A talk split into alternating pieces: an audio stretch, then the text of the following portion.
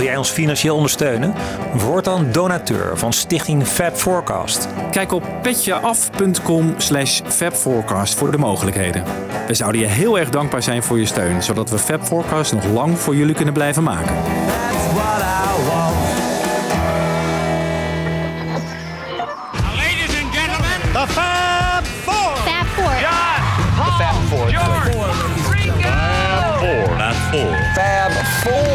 We have for you the Fab Four.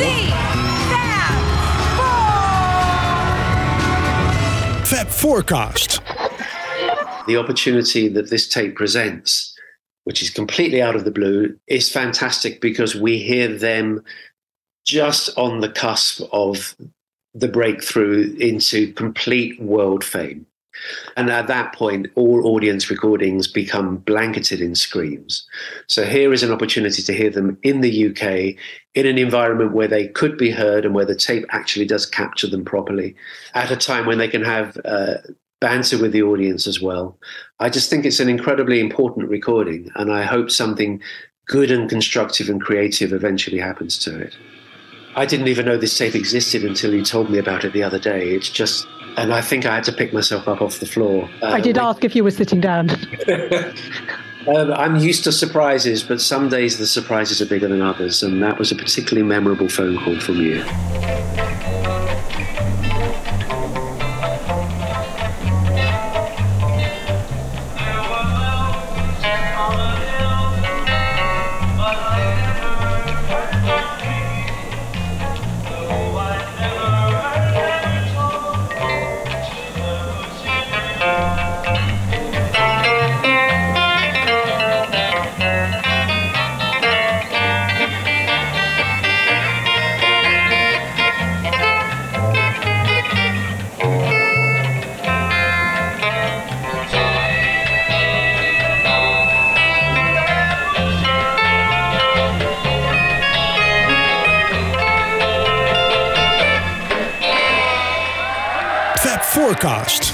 Forecasters, goedemorgen, goedemiddag, goedenavond en eh, welkom bij weer een nieuwe show van Fab Forecast. Ik ben Michiel, ik zit in de studio met... Jan Kees. En Wibo. Ja, we gaan het hebben over het STO-optreden. Het optreden in STO op een, eh, een, een Britse privéschool voor jongens van 13 tot 18 jaar op 4 april 1963. Bijzonder optreden, want, ja, waarom, waarom eigenlijk? Ja, waar- hoe vaak traden de Beatles nou op op een privéschool? Hoe komen ze überhaupt terecht? Zoveel nummers. Heel veel nummers en we hebben gewoon, en dat, blijkt, dat bleek dus dit voorjaar. Ik denk eigenlijk dat toen Mark bij ons was, eh, dat was natuurlijk maart, 8 maart of zo. Ja? Dat hij daar net zo'n beetje rond die tijd op geweest moest zijn geworden, om het zo maar te zeggen. Dat die opname er was. Dus het was voor hem ook wel een grote ontdekking. Hij heeft er niks over verteld tegen ons. Nee, Nee. nee, het was denk ik nog geheim. Ja. Inderdaad, een Oh ja. opname van dit concept. Ja. Precies, een, een Ja. integrale, nou niet integraal, maar twee nummers ontbreken. Maar we hebben een uur, iets meer dan een uur audio van een concert van de Beatles. En dat is het eerste, ja, we hebben hadden natuurlijk wel snippets van de Cavern, een half minuutje. Maar nu een integraal optreden 22 nummers. 22 nummers op, eh, op Britse bodem. En dat is eh, de vroegste opname die we op dit punt van de Beatles hebben. Ja. Ja, op Britse bodem. Ja, want we hebben Hamburg natuurlijk, dat zit hiervoor dan. Ja. Dat is wel de vroegste van een volledig concert, toch? Ja, ook met Ringo Ja. aan boord. Dus dat is Ja. eh, wat dat betreft weer niet zo. eh, ja, en als je het vergelijkt. Ja, we zullen het nog vaak over gaan hebben over de audio-kwaliteit. Ik, ik begon niet voor niks met Till There Was You, omdat ik het altijd van het, heel, van het hele setje het beste vind klinken. Je hoort, het is een heel rustig nummer. Eh, die zaal zit vol met, met jongens. Eh, de, de, bedoel, de, testosteron dat, dat giert door de zaal. Maar ze blijven toch vrij rustig. Je hebt hier ook Ja. niet van Ja. geen gegil. Nee, de Beatlemania was nog niet echt begonnen. Nee, precies. Want waar zitten we in de tijd een beetje? Ik denk dat een, een week of twee eerder is Please Please Me verscheen als album Dat ja, en From Me To You zou na een week op nummer 1 komen. Ja, dus het is echt vroege Beatles dit. En het publiek kent ze al. Nou, we gaan een beetje stilstaan bij hoe de audio, hoe, hoe dit audiodocument naar buiten heeft kunnen komen. Op eh, zo laat, eigenlijk 60 jaar na dato. Ja. En we gaan ook stilstaan bij, eh, bij de opnames zelf en, en bij het verhaal van deze dag, 4 april 1963. Dat STO was dus een, een, een privéschool voor jongens van 13 tot 18 jaar. Nou, de, als je daar op school hebt gezeten, dan ben je een old stoic. Zo wordt dat genoemd. En wat bekende namen zijn in dat verband Richard Branson van het bekende Virgin label. Crispian Mills. Zeg je dat wat, Jan Nee. Kees? Ja, Ja, is dat van Kula Shaker? Heel goed, de zanger van Kula Shaker. Ja. Dus, maar ook recent eh, brengt het nog bekende popsterren naar voort. En iemand die in het publiek zat. Dat was Roger Hodgson, de zanger van Supertramp. Oh ja. Oh, Ja. die zat Oh, met erbij. een hoge stem, ja. Wat grappig. Die is erbij. En dat is de enige bekende naam waarvan we weten, hij was erbij. En waarom weten we dat? Hij heeft ook verteld dat hij eh, zich meende te herinneren dat na I Saw Her Standing There, dat spelen de Beatles twee keer, dat er nog twee nummers volgden. En in- zijn herinneringen waren dat Sweet Little 16 en Long Tall Sally. Dus jij zei 22 nummers, maar het waren dus eigenlijk 24. Dus echt een hele uitgebreide set. En eh, ja, de Beatles die, eh, die hebben gewoon daar een keurig een uur gespeeld. Nou, wanneer deden ze dat daarna nog in de jaren daarna? Nooit. Nooit meer. Nee. maar dat kwam geloof ik omdat ze van de BBC een, eh, een, een, een opname hadden die ochtend. En ze kwamen eigenlijk te laat aan. En dus die kinderen hadden allemaal moeten wachten. En ter compensatie hebben ze dus een extra lang, Oh, ja. lang concert gegeven. Ja. Ah. Ze moesten, want die opnames waren inderdaad in Londen geweest. Dit Buckinghamshire, waar dat Stowe ligt, dat ligt eh, halverwege tussen Londen en Birmingham. Ongeveer, ja, ik denk een uur en drie kwartier rijden ongeveer. Als je ziet naar, naar plaatjes kijkt, het is echt een klassieke Engelse jongensschool. Het is schitterend eh, met pilaren en een prachtig landgoed. Het is echt voor de eh, gegoede elite. Die kon daar zijn kinderen naartoe sturen en dat gebeurde dus ook. Dat verklaart denk ik ook dat we deze opname hebben. Want de, de, de grote man achter de organisator achter het concert was David Morse. Een, eh, een jongen uit Liverpool die weer eh, bekend was van het Littlewood, de Littlewood business. Dat waren, eh, was een familie die eh, heel rijk was geworden met gokken op voetbalwedstrijden. Dus die keken niet op 100 euro meer of minder. En die David Morse die gaat dus met Brian Epstein brieven schrijven van kunnen we de Beatles hier naartoe krijgen. En waarschijnlijk was het zo dat Brian al wist. Ja, maar deze naam, die Morse, die ken ik. Dat is gewoon, dat zijn de fellow retailers in, in Liverpool. Oh ja. Die kan ik wel vertrouwen. Dat En is John het- Morse, waar Stuart Sutcliffe zijn eh, eh, Ja. schilderij toen aan verkocht? Precies. Ah, Die link had ik niet gelegd, maar dat is, dat is een oom van eh, David. ah Ja. David Moore zou later van de Liverpool voetbalclub eh, de voorzitter worden. Overleed een paar jaar geleden alweer. Maar zijn naam zal nog een paar keer terugkomen in deze aflevering. Want hij was dus heel belangrijk in het leggen van, het, van, eigenlijk van de hele organisatie. BBC, daar hebben ze opnames die ochtend. Dat is misschien ook wel aardig om even op te wijzen. En daar spelen ze voor het programma Side by Side, heet dat geloof ik, het nummer I'll Be On My Way. Later bekend van eh, ja, de Kramer, hoe heet ook weer? Billy J. Kramer. ja. Ja. En eh, nou, een van de weinige, of nee, ik denk zelfs de enige opname die we van dit nummer hebben van de Beatles zelf. Dus laten we even een klein stukje van draaien.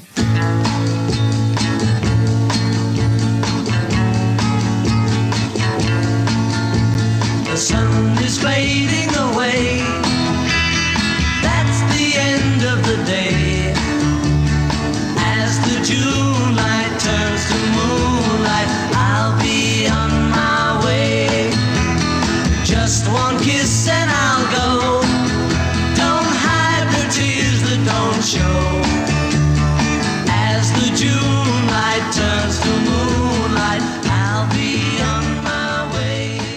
Opgenomen in Londen en daarna gaan ze met de auto, met twee auto's, naar verluid met twee Ford Xavier Zodiacs naar Stowe School. En daar wordt ze ontvangen door eh, de schooljongens eigenlijk. Want dat waren de organisatoren. De schoolleiding, die wist hij eigenlijk niet van. Sterker, Oh. er- was altijd wel een soort, een soort vrije avond eh, dat, dat eh, de schoolband kon spelen.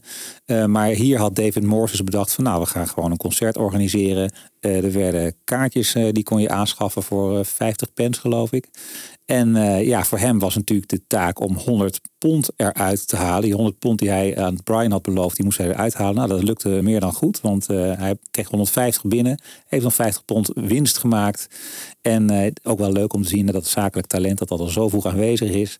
Ja, maar dat heeft hij wel goed besteed, toch? Ja, Aan het diner. Precies. Ja, de rest van het geld. Ja. Maar dat schijnt ongeveer eh, in huidige ja, 3000 pond. Ik weet niet hoe de pond nu staat, maar eh 3000 euro zo ongeveer. Zo ongeveer, ja. Best wel wat, toch? Ja, best wel wat. Ja, Ja. maar hij nam wel een risico. Maar Ja. besteed aan het diner, wat moet ik me daarbij Nee, nee, voorstellen? nee, sorry, niet aan diner. Hè, maar in totaal kostte, eh, of tenminste, heeft hij 3000 pond opgehaald. En dat geld heeft hij dus weer aan het aan een En, diner en een besteed? vijfde daarvan, een vijfde, was winst. Ja. Maar dat heeft hij uitgegeven aan de Beatles die daar ter plekke wat gingen dineren en Oh, wat eten met z'n allen. Ja. En eh, dat was natuurlijk een extra eh, leuk. Want hij was fan van de Beatles. Nou ja, wie, wie kan er met de Beatles gaan dineren? Dat is natuurlijk helemaal fantastisch als je ook nog fan bent van zo'n eh, groep. Ja, en hij kende de Beats, had de Beats ook in de, in de cavern zien spelen. Dus daar was het zaadje geplant. En toen dacht hij van, ja, als hij, als ik die nog even naar, naar Stoke kan halen, dat zou heel leuk zijn. Ja. Maar daar komen we zo meteen op. Want hoe dat precies dat contact via met Brian loopt, is ook wel heel leuk om een beetje te horen. Nou, die David Morse is een belangrijke speler. Dat is de man dus die, het, eh, die ze naar, naar Stoke toe haalt. Maar de tweede andere belangrijke speler is John Bloomfield. En dat was een soort stage manager van die school. Eh, dat was eh, ja, ook, conciërge. ook, ook een. Nee, niet, niet, niet Oh. want hij was ook een jongen van 15 jaar. Oh. Maar er was kennelijk werd, werd best wat verantwoordelijkheid aan die jongens overgelaten. Die regelen bijvoorbeeld het licht en, Ah, ja. eh, en dat de stoelen goed Oh, ja. stonden en zo. En dat, eh, daar was hij verantwoordelijk voor. Het schijnt wel dat die John Bloomfield ook niet not amused was dat David Morse dus had toegezegd dat de Beatles zouden komen. Want John en David zaten samen in een beentje. En die zouden eigenlijk samen optreden die avond. Dus John was helemaal not amused. Maar wat hij dan toch wel doet, en hij komt een heel, heel slim idee. Hij heeft namelijk een Butoba MT5. Dat is een hele compacte, draagbare eh, opnameapparaat. En hij laat een uur, dus heeft een, een band van een uur en die laat hij meelopen met het concert. En daar heb het allemaal aan te danken. Je kan het ook zien. Er zijn een stuk of tien foto's van die dag. Allemaal genomen door eh, David Magnus. Dat was een assistent van Dessel Hoffman. Dat vind Oh ik ja. ook weer leuk. Die waren daar dus. Die waren daar dus ook allemaal gewoon. Daar hebben die al het fotomateriaal aan te danken. Je ziet in het midden van het podium een draad eh, omhoog lopen. En hij heeft het gewoon midden op het podium gelegd. En dat verklaart ook een klein beetje de slechte kwaliteit. Als je slim was geweest, had je bij een versterker gelegd of zoiets dergelijks. Maar hij had waarschijnlijk gewoon heel kort, te, te kort snoer of zoiets dergelijks.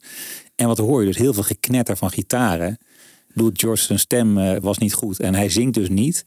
Maar dat maakt hij meer dan goed met eh, zijn elektrische gitaar. Want Zo. die hoor je echt door Alleen alles heen. maar. Ja. Voor de liefhebbers van karaoke Beatles, die kunnen hun hart ophalen bij deze, deze opname. Want daardoor zijn de stemmen gewoon niet goed te horen. Nee. Heel in de verte. Ja, nou we gaan er nog op komen hoe, op- op wat je daar nog tegenwoordig aan zou kunnen doen. Er zijn ook wel optimistische geluiden over.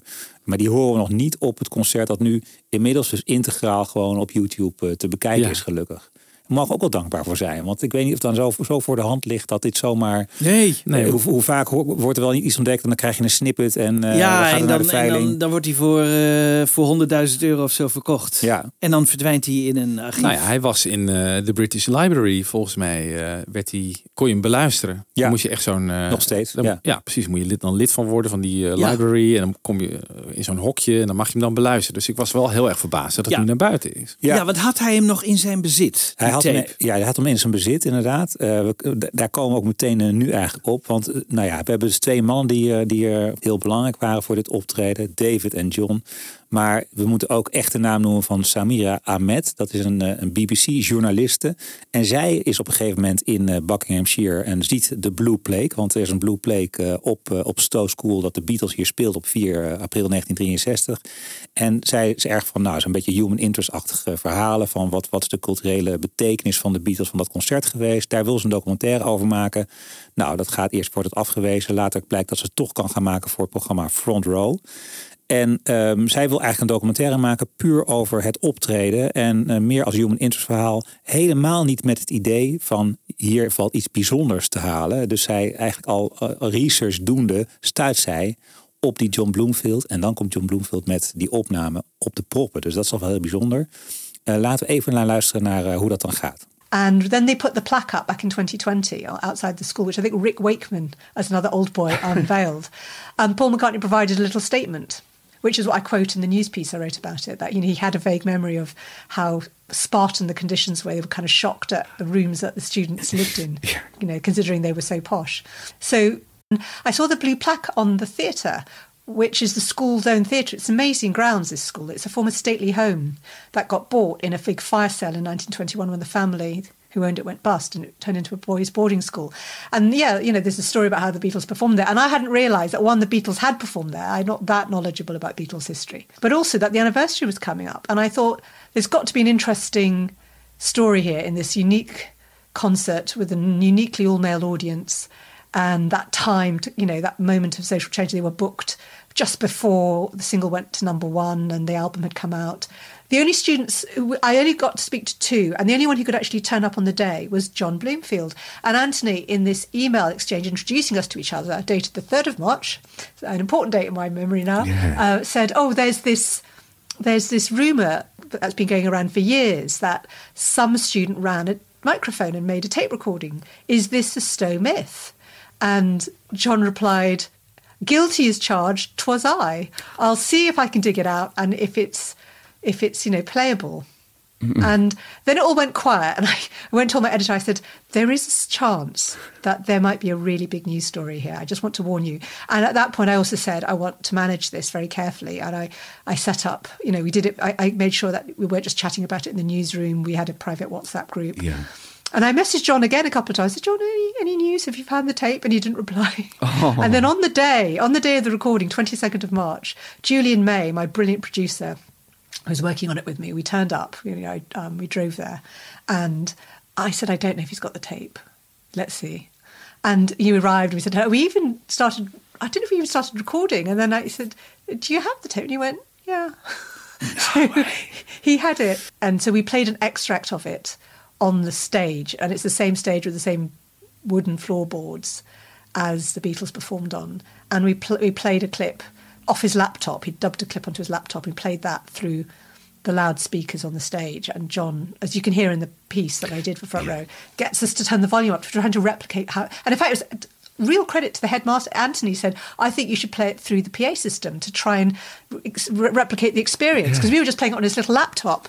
And once you put it through the loudspeakers and you realise how much louder and louder we had to keep turning it till it was juddering through us. That was, I I honestly, I, I was surprised at how I thought I've never really known, even though I thought I did, I've never known what it must have been like to experience the physicality of the sound of the Beatles. Yes. You know, a different kind of wall of sound. Ja, dit is toch wel bijzonder, hè? Ja. Oh, Wat dat je hierop stuit is een goudmijn eigenlijk. Ja. Ja, het zou je gebeuren zeg. Ja. Maar die man die heeft dus 60 jaar die tape gehad. Nooit gedacht van, Oh, Ik nee. moet hier wat mee. Ja. Sterker nog, je hebt dat boek, eh, ik weet niet, even- David Rice of zo, de- eh, dat boek van 1963 heb je toch. eh, Oh ja. de- een, echt een bijbel, een hele dikke boek alleen maar over 1963 van de Beatles. Daar wordt die John Bloomfield ook in geciteerd. Dat hij gewoon een bandje had en eh, hoe bijzonder dat optreden wel niet had. En wat het voor hem heeft betekend.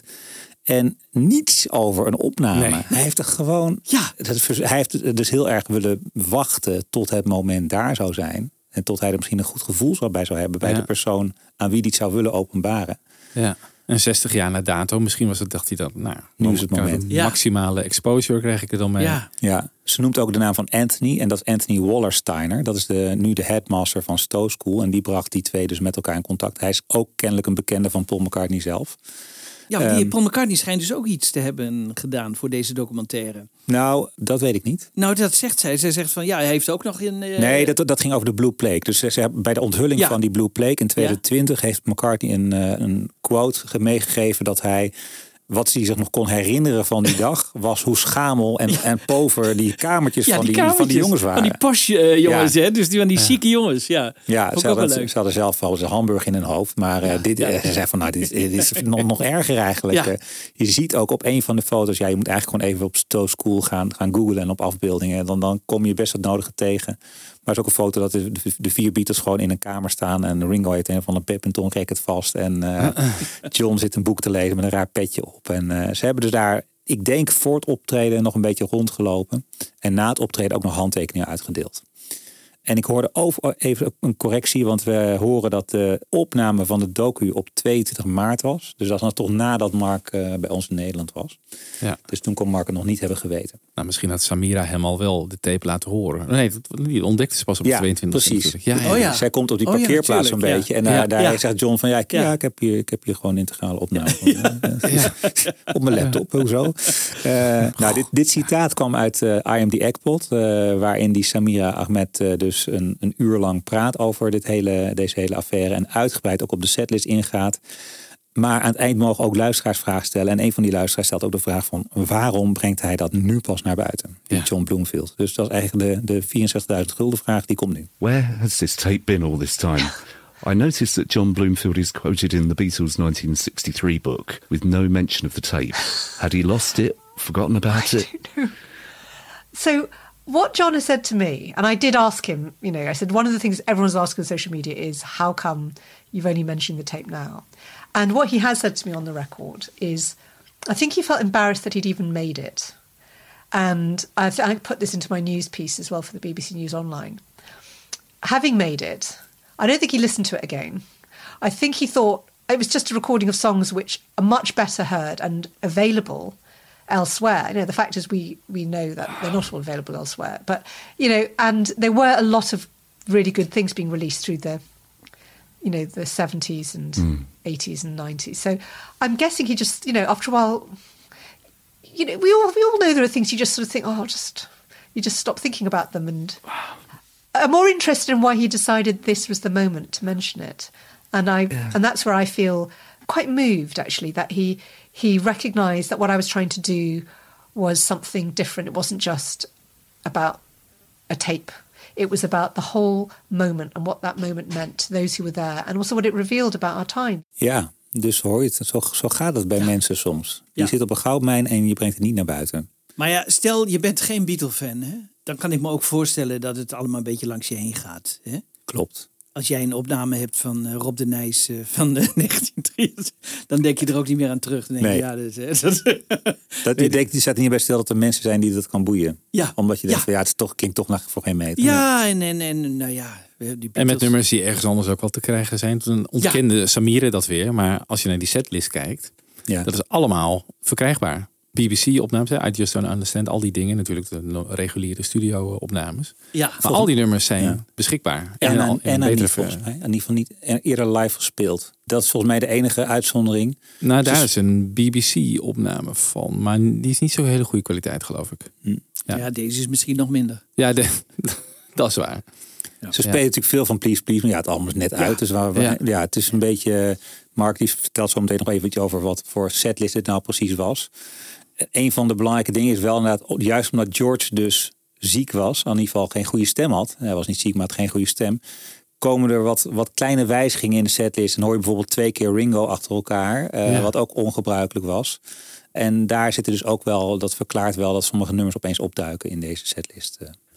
Ik zei net al even iets over de opnametechniek. Daar wil ik ook nog even Samira over eh, aan het woord laten. Waarom klinkt het zo? Ja, we mogen er blij mee zijn, maar het klinkt toch een beetje beroerd. Waarom? So as he said to me, it's like, you know, I felt it was my prerogative to, to try out my new tape recorder, which he set up. And if you look at that photograph, which, you know, you've tweeted, I've tweeted, um, which is a kind of wide shot of the band on the stage taken from the back of what was then was a balcony or something they had in the hall at the time. You can see there's the microphones that, that the band are using. And then right against the stage, there is a microphone that is taped to it with a cable running right down the middle of the stage to a tape recorder down below.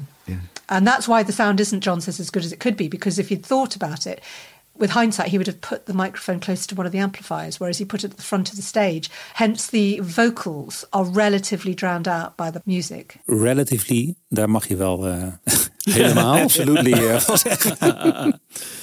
Ja. Ja, ja. Maar Wat- moet je wat- je voorstellen, die bandrecorder, hè, die kostte evenveel als ze eh, op hebben gehaald. Dus dat was 3000 euro. Moet je voor 3000 euro. Eh, welke jongen kan zoiets hebben? Hij moet uit een heel rijk gezin gekomen Zeker. zijn. Maar Hè? daar, daar hielp het dus ook mee dat hij een beetje technisch eh, Ja. kwaliteiten had. En graag kennelijk met bandjes speelde. Ja.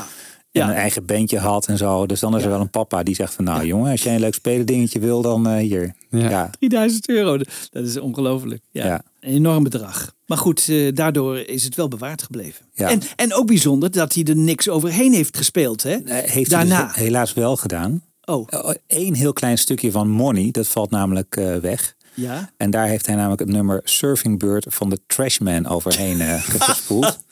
dus we missen, we missen een stukje Money. Gelukkig duurt dat maar drie minuten of zo. Ja. En daarna komt gewoon I Saw Her Standing There. Dat is dan het laatste nummer. En na There houdt de tape op. ja, want het gaat nog door, hè? Volgens, eh, Maar ik, zat, ik, ik, ik, reed hierheen en ik dacht echt... Hoe groot was de kans nou dat je inderdaad overheen gaat? Ja. Die, die tape was ook weer duur. Ja. Maar goed, Ja. misschien voor die rijke jongens dat het allemaal niet zoveel uitmaakt. En die gaat gewoon bewaren. Ja. Wat op zich ook wel bijzonder is, wat ik geleerd heb altijd, is dat tape na verloop van jaren gewoon eh, vergaat. Hè? Jan Ja. Kees, dat die. ja, vooral videotape hoor. Vooral Oké. video. Maar Eh, geluidstape audio- valt nog mee. valt mee. Valt mee. Want het is toch wel 60 jaar oud. Ik denk dat hij Ja. niet meer gespeeld heeft in die tijd. Nee, ik denk het Nee. niet. Maar je kunt het ook bakken, hè? Dat klinkt gek, maar eh, Ja. dan wordt het verhit en dan blijft die. En dan kun je hem nog één keer afspelen en dan moet je het gelijk opnemen. Ja. Eigenlijk ijzervijlsel wat op een tape zit van plastic. En eh, ja, dat gaat er op een gegeven moment vanaf. En eh, dan heb je niks meer. Dus eh, je moet wel zorgen dat dat, dat erop blijft. Dus daar zijn dus technische trucs voor. Maar ja, het is een wonder dat dit allemaal bewaard is gebleven op deze manier. Op een goede manier. Ja. Inderdaad. Nou, even, dat even in de aanloop. Maar ik vond het toch wel even goed om even die mevrouw Ahmed ook eh, echt de credits te geven.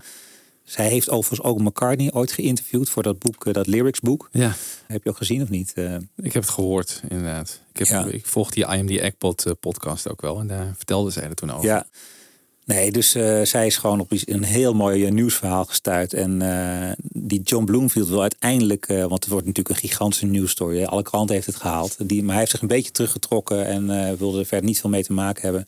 En dus blij dat het nu bij de British Library gewoon beluisterd kan worden en gewoon online staat.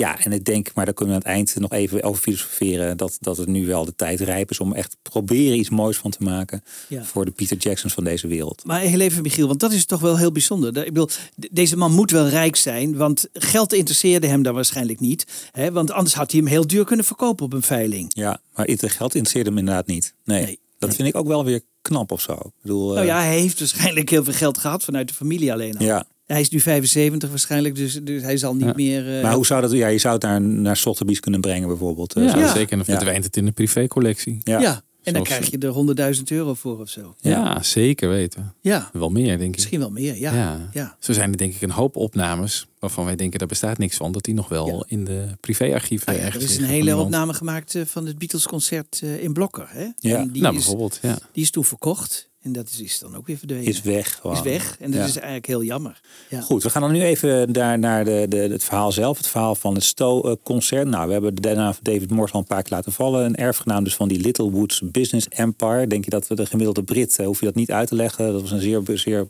bekende familie. Zijn oom, dus John Morse, eh, hij, die David heeft de Beatles in de cavern gezien. En begint een briefwisseling met Brian Epstein. En daar gaat eh, die, eh, die BBC-documentaire. Ja, die kun je gewoon vinden. Dit is dus Front Row en dan Beatles Stowe. Dan, dan kom je er wel. Is wel echt aan te raden.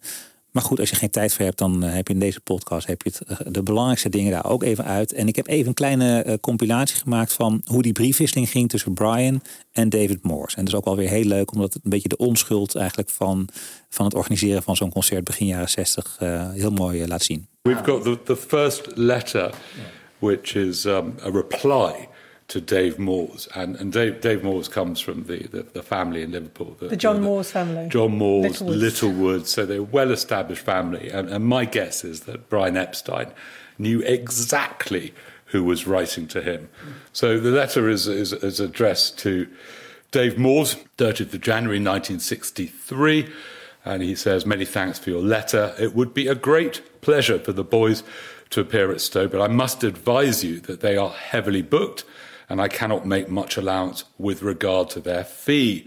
However, I, I am prepared to arrange a midweek appearance for a fee of £100. Yours sincerely, Brian Epstein. The next letter is on the, uh, the 9th of February. Brian Epstein goes on to say that the band are booked on the 4th of April. In fact, they were really busy. They were in the middle of a touring schedule. In the morning, they were recording for the BBC. They were in the Paris studios on, on Regent Street. There's another letter you've got here, Anthony, dated the 18th of February to Dave uh, Moores. What's, what's Brian Epstein saying in this one? So, w- what I like about this one is that it, it really shows you that this is the, the age of innocence. There is no assumption whatsoever that uh, anyone here has heard of the Beatles. So, uh, there are four Beatles. and of course, th- there was a little bit of confusion over who the drummer was not, not long before this. So, Ringo was still quite new to Okay. the, the band. The other letter, which is, um, again, r- so redolent of uh, how improvised this was, and I think uh, Brian Epstein, by this stage, is beginning to worry about the legality of the, the contract with Dave Moores because I think he's realized that Dave is 17. and uh, so the next letter is the 26th of February. The contract has been signed. However, this is getting a slightly bit more formal. I regret that it's necessary for me to request that the contract be endorsed by a representative of Stowe School um, itself over 21 years of age, as otherwise the contract is not, strictly speaking, legal. So I think by this stage, Brian has, has worked out that Stowe is a, a school mm. and that Dave Moores is a, a schoolboy and that £100 was quite a lot of money. Mm. And even though the concert tickets were selling for five shillings, and I think actually Dave made £150 out of the concert, so he was up on the deal. Brian wanted this nailed down. Some of the photographs we've got in the archive relate to this next bit. I have no doubt that they will be delighted to look around the school and to meet some of the boys. And I'm pleased that you are arranging for a meal for us after the performance when they had uh, chicken and chips, which they absolutely wolfed down. Grappig, hè? Ja. Mooi tijdsbeeld geeft dit, ja. ja. Inderdaad, heel onschuldig allemaal. Ja. ja. En Brian toch wel op zijn kivive. Die denkt van ja, wacht even, waar heb ik hiermee te maken? Uh, dit is niet de, de reguliere boeker met wie je gewoon een deal sluit met een jongetje van 17. Ja. ja. Ik zei 50 pence, maar het was dus 5 shillings. Ik, ik krijg een flauw idee hoeveel het is, maar... Uh... Gingen er niet 20 shillings in een pond in die tijd? Ja, hier staat iets van uh, 50 cent zou zijn per ja, kaartje. Dat dacht ik dus ook. Maar het is, er zijn ook echt kaartjes gedrukt voor die avond. Maar goed, vijf shillings hoorde ik hem zeggen. Ja, het is toch mooi om te zien hoe, uh, hoe Brian uh, dus op extra handtekeningen vraagt van de schoolleiding. En ja. uiteindelijk komt dat dus goed. George Harrison is dan nog maar drie jaar ouder eigenlijk. Hè? Die is nog twintig, geloof ik. Ja. die, die was ook niet gerechtigd om, een, om iets te tekenen. Het is echt ongelooflijk ja. hoe jong ze allemaal waren. Ja. En die John Bloomfield die heeft in dat boek over 1963 ook gezegd van ja, zij aten die maaltijd dus heel erg op. Uh, wolfed down uh, de ja, meal, zegt hij. Hij suggereert dat het ook lag aan het feit dat de Beatles onder de speed zaten. Want kennelijk krijg je dus enorme hongerklap van uh, als je mm. aan de oh. onder licht verdovende middelen optreedt. Dus, ah, ah. Dat is weer interessant om te horen. Nou, dan nog even twee quotes van Mark Lewson, die uh, even het tijdsbeeld nog neerzet van wat was 1963 nou voor jaar voor de Beatles. Nou, we weten natuurlijk dat het jaar dat de Beatles uh, absoluut uh, de grote sprong naar het wereldtoneel maken. En ook Mark even aan het woord over ja, hoe hij nou in zijn early research, zijn vroege research over Stowe, tegen wat voor vragen hij aanliep. En daar blijkt dat hij toen ook al in contact uh, trad met, uh, met David Morse. 1963 was an incredibly active year for the Beatles. They were busy all the time. And of course, that's when the rocket really took off. The Beatles' fee was going up all the time, but at the time when this was negotiated, which I think was February of 63, uh, £100 was just under their, their going rate. It was a good fee. It was it was a fee that put off a lot of people from booking them because it meant you had to be sure to bring in a good crowd through the through, through the door, otherwise you wouldn't make your money back. It was that kind of a fee. So hundred pound wasn't cheap, but on the other hand, it, it wasn't quite the, the, top dollar that they could have charged. But I think there was an appeal in this uh, to Brian and to and to the Beatles as well. I think there was a novelty value that yeah, if we ask for hundred pounds and you pay it, we, we will come and play. And um, so they, they, he wasn't selling them cheap, Brian. But on the other hand, I think there was the I think his interest was was piqued by this unusual approach. The Stowe performance for me has always been quite magical. In that, when I was uh, writing my first book, I had a picture of the Beatles on that stage. Initially, I didn't even know where it was. I had to find out where it was, and then I had to find the date. And back in the early 80s, I corresponded with David Moores, who had organised it, the, the, then 16, 17 year old boy, who went on to become chairman of Liverpool Football Club. And he was very kind. He sent me the correspondence. And then when I heard the other day that there was actually a recording of it, it was astonishing. Dat zijn dus die magische momenten van een Beatles-onderzoeker.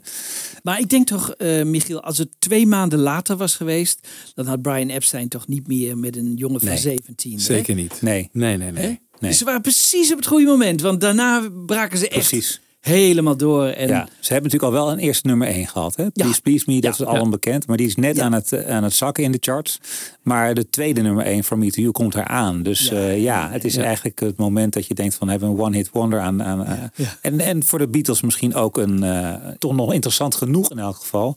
om eh, tijd te investeren in zo'n jongensschool. Ja, En dat From Me To wel- You spelen ze ook, toch? Ja. Live hier. Ja. Nieuwe single dan. Ja.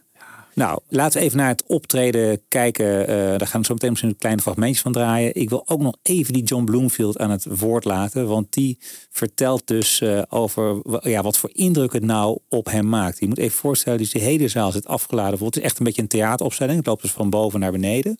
Ja. Wat is capaciteit eigenlijk? Weet je dat? Ik, dat weet ik niet. Ik denk wel een paar honderd man zou ik menen. Ja, want als hij 150 Ja. pond heeft opgehaald aan de deur. Ja, En het kaartje kost 5 shilling. En dat er 20 shilling in een pond gingen. Dat eh, weet ik vanwege There's one for you, 19 for me. Weet Ja. je ja, ja, ja, ja, ja, ja, ja, ja. Dus dan doe je 4 keer 150 is ehm 600. dat zou best kunnen. Dat is, wel, dat is best wel groot dus eigenlijk. Dat is best groot. Je Ja. ziet ook een behoorlijke zaal hè, op die foto's. Ja, Achterin meisjes nog. Dat was ook wel bijzonder. Oh ja? Dus, ja, dus het waren niet alleen jongens, maar achterin ook een aantal meisjes. Zeker, die, er eh, waren wat dochters van wat eh, docenten inderdaad toch gekomen. Oh ja, ja. En dat is het leuke dat je als je naar die opname luistert, eh, dat je ook echt gegil hoort. Je hoort geen permanent gegil, maar je hoort af en toe tussen de nummers door. Wat, of als het begin een klein, klein gilletje. Oh, ja. Je hoort alle verzoekjes, Ja. die worden gewoon, eh, die hoor je luid en duidelijk. Ik hoorde, je ziet dan een beetje die eh, Life of Brian eh, scène voor me, weet je wel? Dat er dan alleen mannen bij een eh, steniging mogen zijn. dat er allemaal vrouwen zijn.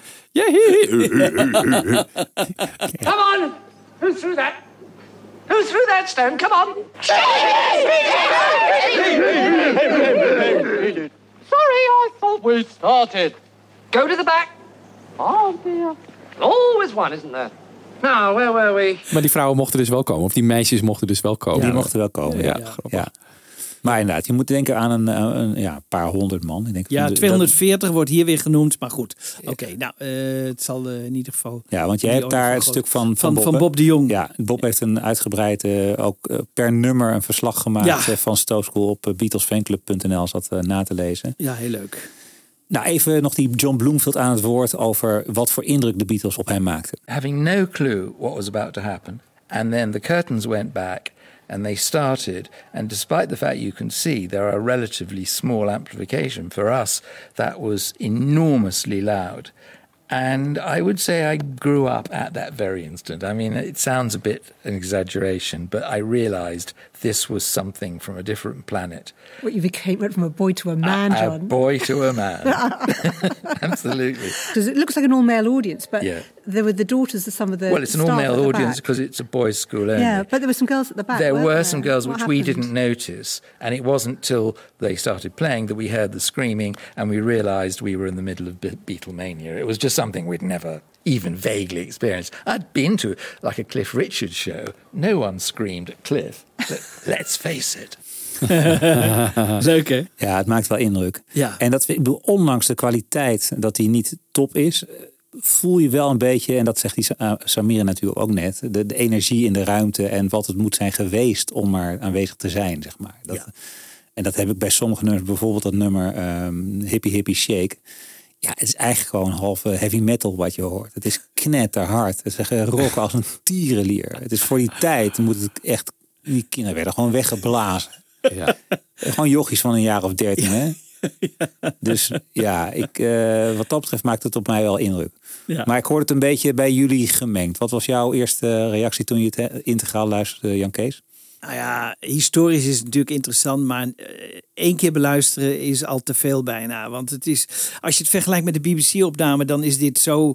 Ja, je mist gewoon de stemmen. De stemmen is toch, is zo, zijn zo belangrijk voor de Beatles. Ja. En daar kun je eigenlijk niet zonder. En ja, historisch gezien is het altijd interessant zijn. En ik hoop echt dat er in de toekomst, maar daar moeten we straks nog over hebben, of er een betere balans Nou, te kunt u krijgen nu wel is. over hebben hoor. Want wat denk je dat er mogelijk is? Nou, ik denk wel dat er best dingen mogelijk zijn. Als we nu zien dat eh, hè, wat Peter Jackson allemaal bereikt heeft. eh, in Australië. Als die hier eens op losgelaten zou worden, ik denk dat er dan een hele goede opname te bereiken is. Maar dat zal niet gebeuren, omdat dit natuurlijk commercieel niet meer interessant is. Omdat het eigenlijk de rechten zijn weggegeven. Althans, eh, de National Library heeft het nu. En eh, ja, iedereen heeft het beluisterd. Maar eigenlijk zou het het mooiste zijn als dit gewoon in goede kwaliteit nog eens eh, uitgebracht zou worden. En dat is denk ik best mogelijk. Maar er moeten wel mensen dat doen die daar. Die er verstand daar van de- hebben. Die er verstand van hebben, die de mogelijkheden hebben, eh, he- hebben zoals eh, Peter Jackson en zijn mensen. Ja, niet zoals ik, want ik heb het ook geprobeerd. Met, Ja, eh, want wij kunnen natuurlijk ook Nou, een beetje, eh, maar... We gaan even naar luisteren, Bibo. Je hebt Anna door de, door de digitale vringer gehaald. Ja, Ja. echt tien minuutjes ben ik ermee bezig. geweest. Ik dacht, ja, het is zo slecht. Ik ga ik dus maar gewoon kijken Ja. Ja. of het iets beter wordt. Want die gitaar van George is namelijk heel erg hard. Ja. Kijken of ik die wat omlaag krijg, waardoor de stem misschien wat beter te horen is. Oh ja. Eerst even het origineel.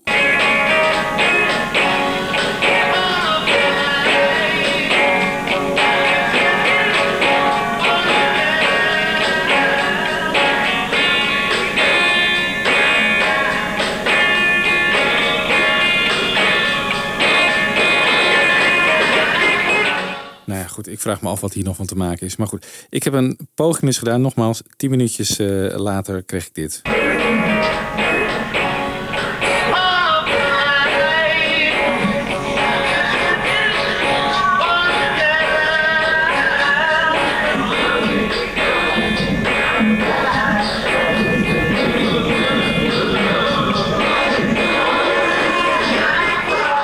Ja, nou, ik Ja. moet zeggen... Het eerste zinnetje klonk, klonk even goed. Hè? Ja, Even, nee, ja. maar de, de, de gitaar is in ieder geval een stuk zachter. De, Ja. de stemmen zijn harder. En, maar je hoort dan ook een soort... eh, ja, zo'n wind of zo. Van, Ja, ja, wat je... Dat- Ja, die moeten dan ze buiten. Ja. Dus die zouden weer uit moeten. Ja. Maar je hoort, kijk, als jij binnen 10 minuten al dit effect hebt bereikt, dan kunnen we ons voorstellen dat professionele mensen Er wel wat mee kunnen. er wel wat mee kunnen. Ja. Ja, het Ja. kan alleen maar beter worden. Ja. Want Ja. het gaat natuurlijk, als je AI hierop loslaat, dan moet hij de gitaar van John gaan herkennen, die van de, Ja. de bas, de gitaar Ja. van George. En dan de de zang blijft over. Ja, maar die zang is dus wel echt heel erg weg. Dat, en dat vraag je me dat dus af. Hoe ga je dat dan weer Ja.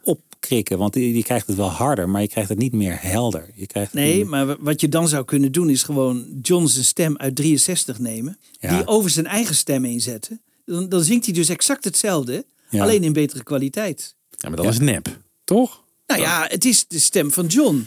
Hè? Ja, ik bedoel, nou, het is de niet zo dat hij zingt niet iets heel anders. Hij zingt zichzelf. Hè? En je hebt, neemt hem dan eh, zijn stemgeluid uit 63 Ja. en zet dat over zijn eigen stem in 63, maar mindere kwaliteit heen. Nou, dan zingt hij hetzelfde. Volgens mij moet dat lukken. Ja, maar dan is het, bedoel je niet dat hij dan de, de vocals van de studio-opname Nee. pakt van dit nummer. Nee. Maar gewoon. Zijn vocals die, zijn die hier doet. En dat wordt, die worden getriggerd door wat hier nog Ja. aan stem Ah, is. ja, precies. Maar dan in betere kwaliteit. Ja, kijk, je, je, je, je voegt een beetje externe kwaliteit in als het ware. Ja, dat Toch? doe je Ja. Ja. Ja, dat doe je eigenlijk. Ja, dat zou kunnen. Ja. Misschien kan Bob het zelfs, eh, want die, die heeft er ook wel eens van dat soort dingetjes geprobeerd. Nou, Kijk, het is jammer. Aan de andere kant is het wel zo van wat je dan aan instrumenten hoort. Ik bedoel, je krijgt George knetterhelder mee. Hè? Dat Ja. is toch wel bijzonder. Ik krijg, ik krijg ook Ringo. Ik vind bijvoorbeeld drumwerk in eh, Please Please Me en zo. From Me To You is gewoon hartstikke strak en lekker. Ja. Je wordt Ja. super helder. Ja. Dat is dan weer heel goed. en de bas? Ik ook minder. Ja, die Ja, hoor je hè? bijna niet. Nee, En die heb ik ook los, losgetrokken, de bas. Dat is eigenlijk helemaal niks. van John? Ja, nou ja, dat zit bij mij allemaal dan. Ik, ik heb het dan losgetrokken met een of andere online AI-tool. Ja, hè. Die kan ja. dan zeggen, nou, de vocals apart, Ja, precies. bas en gitaar. Maar die gitaren waren één blur. Ja, hè? En de drums waren ook niet echt super hard in dit nummer in ieder geval. Nee. Maar ik heb het idee dat ik één elektrische gitaar hoor, of niet? Of eh, zijn dit twee elektrische gitaren door elkaar heen? Ja, volgens mij twee ja. door elkaar heen. Dat Ja. twee, ja. Ja maar, en die maar van George het hardst. is, is het hardst, ja. Die, daar heeft hij duidelijk de microfoon lekker dichtbij gestaan. Ja. Ja, even naar die setlist nog kijkend. Dus twee keer I Saw Her Standing There. Ik weet ook niet hoe vaak dat nou voorkwam. Dat de Beatles eh, dat nummer twee keer speelden. Maar dat was echt op aanvraag. Hè? Dat Ja. vonden, de, dat vonden de jongens leuk. Ja. Ook grappig is A Taste of Honey. Wordt ook eh, echt, dan hoor je de jongens schreeuwen tussendoor. Eh, A Taste of Honey.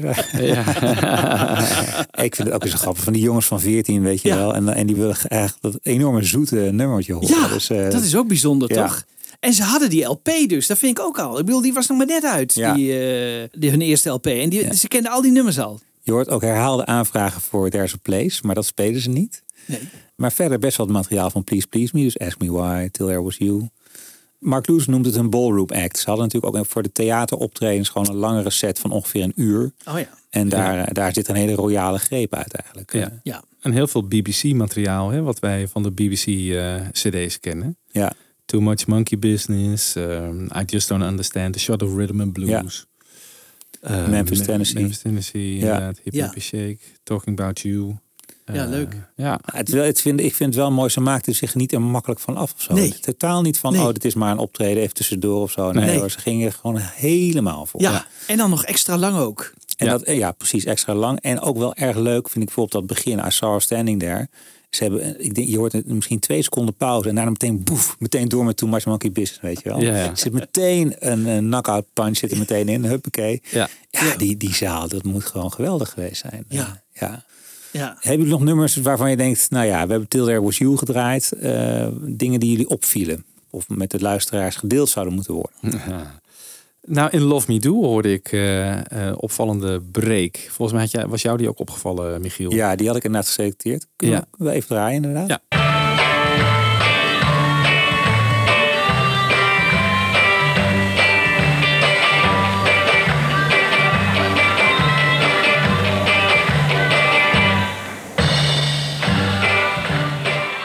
Is weer dat huppelritme wat eh, Piet Best Ja, toen ja, deed eh, Ja.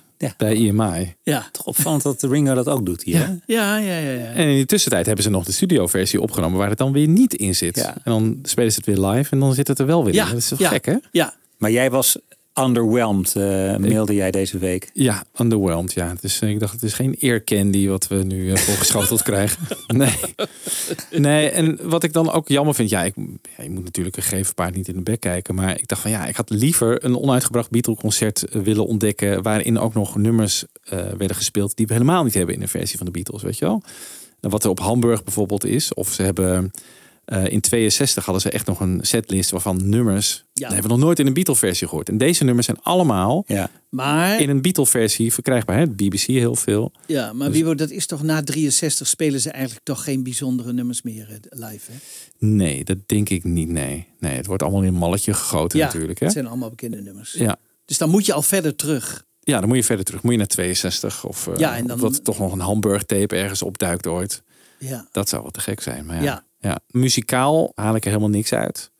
Nee, zeker omdat het ook gewoon de geluidskwaliteit te slecht is. Ja. Het is leuk om even, te- even één keer te horen en te beseffen... oh, ja, dit is opgenomen toen. En je ziet die foto's erbij. Ja. En denk je van, ah, dit is het geluid dat het toen klonk.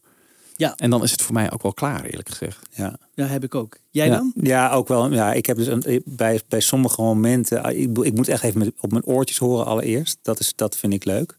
Ik was zelf ook. eh, er zit heel veel banter tussen de nummers. eh, maar die is zo onverstaanbaar. Ja. Gelukkig heb ik ergens online op de site van de Paul McCartney Project een, een hele uitgeschreven versie gevonden. waarin ook het gepraat tussen de nummers eh, zit. Oh, wat leuk. En daar kan je dus iets meer meekrijgen van oké, ze introduceren hier eh Some Other Guy van de Big Three. Eh, hier hebben ze dan hebben een nummer van eh, eh, Peggy Lee en dan noemen ze haar Peggy Legs of zo, weet je wel. Ja, dus ja, er ja, zitten ja, allemaal ja. van die grapjes in. Ja. Maar ook daarvoor geldt eigenlijk van ja, dat moet je even er, eruit gaan filteren en gewoon gaan verbeteren. Dan wordt het ook als concert Ja. een leukere ervaring eigenlijk. Ja. Eh, Ja. wat ik wel had, en ik zei dat net al, ik- ja, de, de opwinding van zo'n hippie hippie shake, hoe knetterhard dat is. Het is echt gewoon eh, metal. Ja. Ja. Ik vind het wel ook wel weer eens grappig om met de oren van George naar zo'n setlist te luisteren. Want wat speelt George? Die luistert naar natuurlijk nummer, die denkt aan- alleen maar zijn eigen likjes. Ja, ja, ja. Die hoor je nu eigenlijk heel duidelijk. Ja, Dus een keer een andere, andere blik op een overbekende setlist. Ja. Ja. Want dit even voor, de, voor, de, voor mijn beeld. Deze setlist spelen ze dan laat in 63 ook niet vaak meer. Ik bedoel, als ze op een gegeven moment op nationaal niveau doorbreken, krijg je niet meer die theater tours toch van een uur. Met al dit materiaal. Dat denk ik niet. Nee, dat doen ze zeker niet. Nee, Nee. dan wordt het Dan allemaal, wordt het allemaal een heel half kort. uur. Half uurtje. Ja. Want die package tours, dat was Ja. ook allemaal eh, Ja. gewoon in een. Ja, dan die was je beginnen gewoon, hier echt wel in deze periode ook, hè, die package Ja. tours. Ja. Dus dan krijg je Ja. 25. Misschien is al wel eerder. Begin 63, want ik eh, schreef ze ook niet Ja. Misery in zo'n tourbus. Ja, Ja. voor... eh, Ja, ja. door dat is en zo. Die, ja. Dat is nog wel mooi. Dat spelen ze hier ook, hè, Misery, toch? ja, die is ook leuk hoor. Ja. Ja, Nou, dat vind ik dan wel bijzonder, inderdaad. Even een stukje luisteren? Oké, is goed.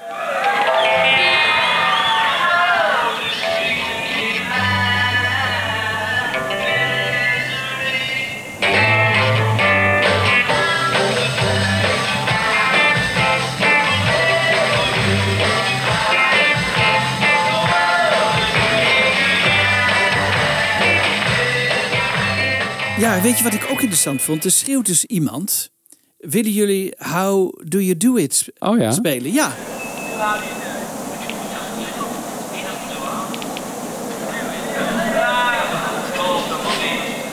Maar hoe kan dat?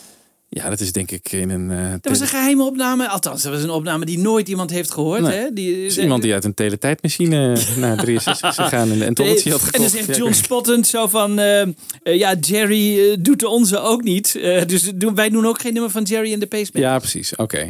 Misschien dachten ze gewoon, het is allemaal één pot nat, die Liverpool eh bende. Die kunnen, kunnen ja. elkaar zijn nummers wel spelen. of wat een verkeerde band eh, voor zich. ja. Ja. Maar komt dit dan eigenlijk te vroeg dan, eh, deze opname naar buiten? Hè, het is eh, in dat al is grappig zijn... als we het net hebben over Ja. de vraag van ligt er niet 60 jaar te verstoffen op de plank. Maar jij zegt nu van nee, het is nog te vroeg. Want je had bewerkt willen zien. Ja. ja. Ja. Ja. Maar goed, het is er een Het, nou, ik denk, Ja. ik denk toch wel dat dat kan nog. En ik denk toch wel dat dat gaat gebeuren. Eh, ik bedoel, er zijn vast betere eh, mensen, de mensen die meer tijd hebben dan 10 minuten. Die gaan er toch mee aan de slag. Ja, En, en daar komt er vast Ja. nog iets moois uit. Dat denk ik ook. Want het is nou een beetje public domein. Hè? Dus eh, iedereen Ja. kan er doen, mee doen wat hij wil. Dus Ja. eh dat zal ongetwijfeld... eh, ja. Ja, en dan gaan de Beatles, dan is het op, optreden op een gegeven moment afgelopen. Eh, nou, zoals we weten, nog twee nummers hebben we niet op tape staan: Sweet Little 16 en Long Tall Sally. En dan gaan de Beatles nog eh, handtekeningen uitdelen aan wat jongens. Eh, er worden verschillende foto's genomen. En er zit ook een klein stukje in over de pilaren. eh, in die documentaire van voor Front Row. Daar gaat het over het pleisterwerk op die pilaren. Die een beetje aan, zeg maar, een soort fake marmer was dat. En daar zei John Lennon over dat het aan die rundvleesplakjes deed denken. Die je op je boterham doet. Corned beef. Oh ja. En eh, nou, daar heb ik nog even een klein, eh, klein stukje over.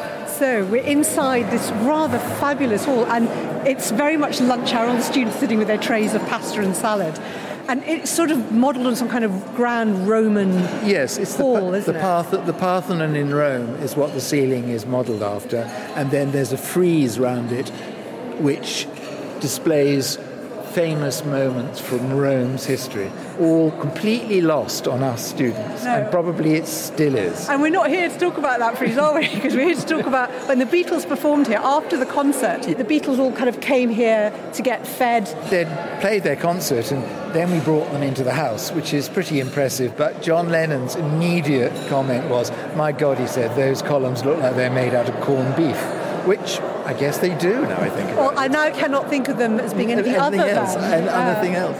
Scaglione is an old marble technique that was used very much in Georgian times to give the impression of being marble, because the reality is, if these had been solid marble, the mind boggles, even the Dukes of Buckingham probably wouldn't have run to that. This way, you can make them out of plaster and then put a thin coat of what looks like marble, Scaglione, on the top of it. And it was quite a well known technique at the time. So that's what the columns are. Yeah. And when the Beatles saw them, Yeah, they said they look like corned beef, which, given they're about the colour of corned beef, yeah, I suppose they do a bit, really, yes. Ja, het is leuk om te kijken naar die, die foto, een groepsfoto van, ik denk een stuk of 15 jongens. De Beatles zitten, staan dus tussen de pilaren.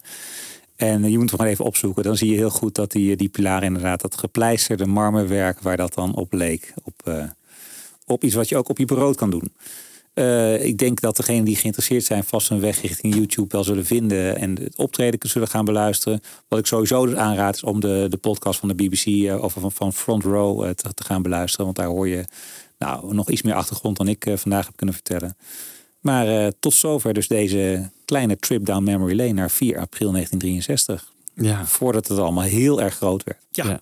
Wat ging ze eigenlijk de dag daarna doen, 5 april? Nou, op 5 april krijgen ze, dat heb ik even opgezocht, dat weet ik natuurlijk niet uit mijn hoofd, maar eh, kregen zij hun eerste zilveren plaat voor eh, de verkoop van meer dan 250.000 singles van Please Please Me. En dat kregen ze dus eh, eh, in het EMI eh, House, weet je wel, aan Manchester Square, waar later ook die Beroemde foto is beroemde, eh, van die blauwe en die rode.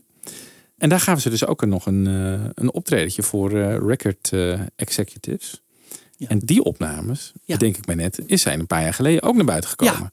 Zullen we daar dan mee eindigen? Ja, dat vind ik wel leuk. Het is goede kwaliteit, het is leuk om te luisteren. goede kwaliteit. Gaan we er een beetje fatsoenlijk uit in ieder geval. Ja. Eh, Michiel, bedankt voor je research. Ja, heel leuk. En uh, nou, de Beatles eh, op 5 april, dus de dag na Sto, in het EMI House in Londen.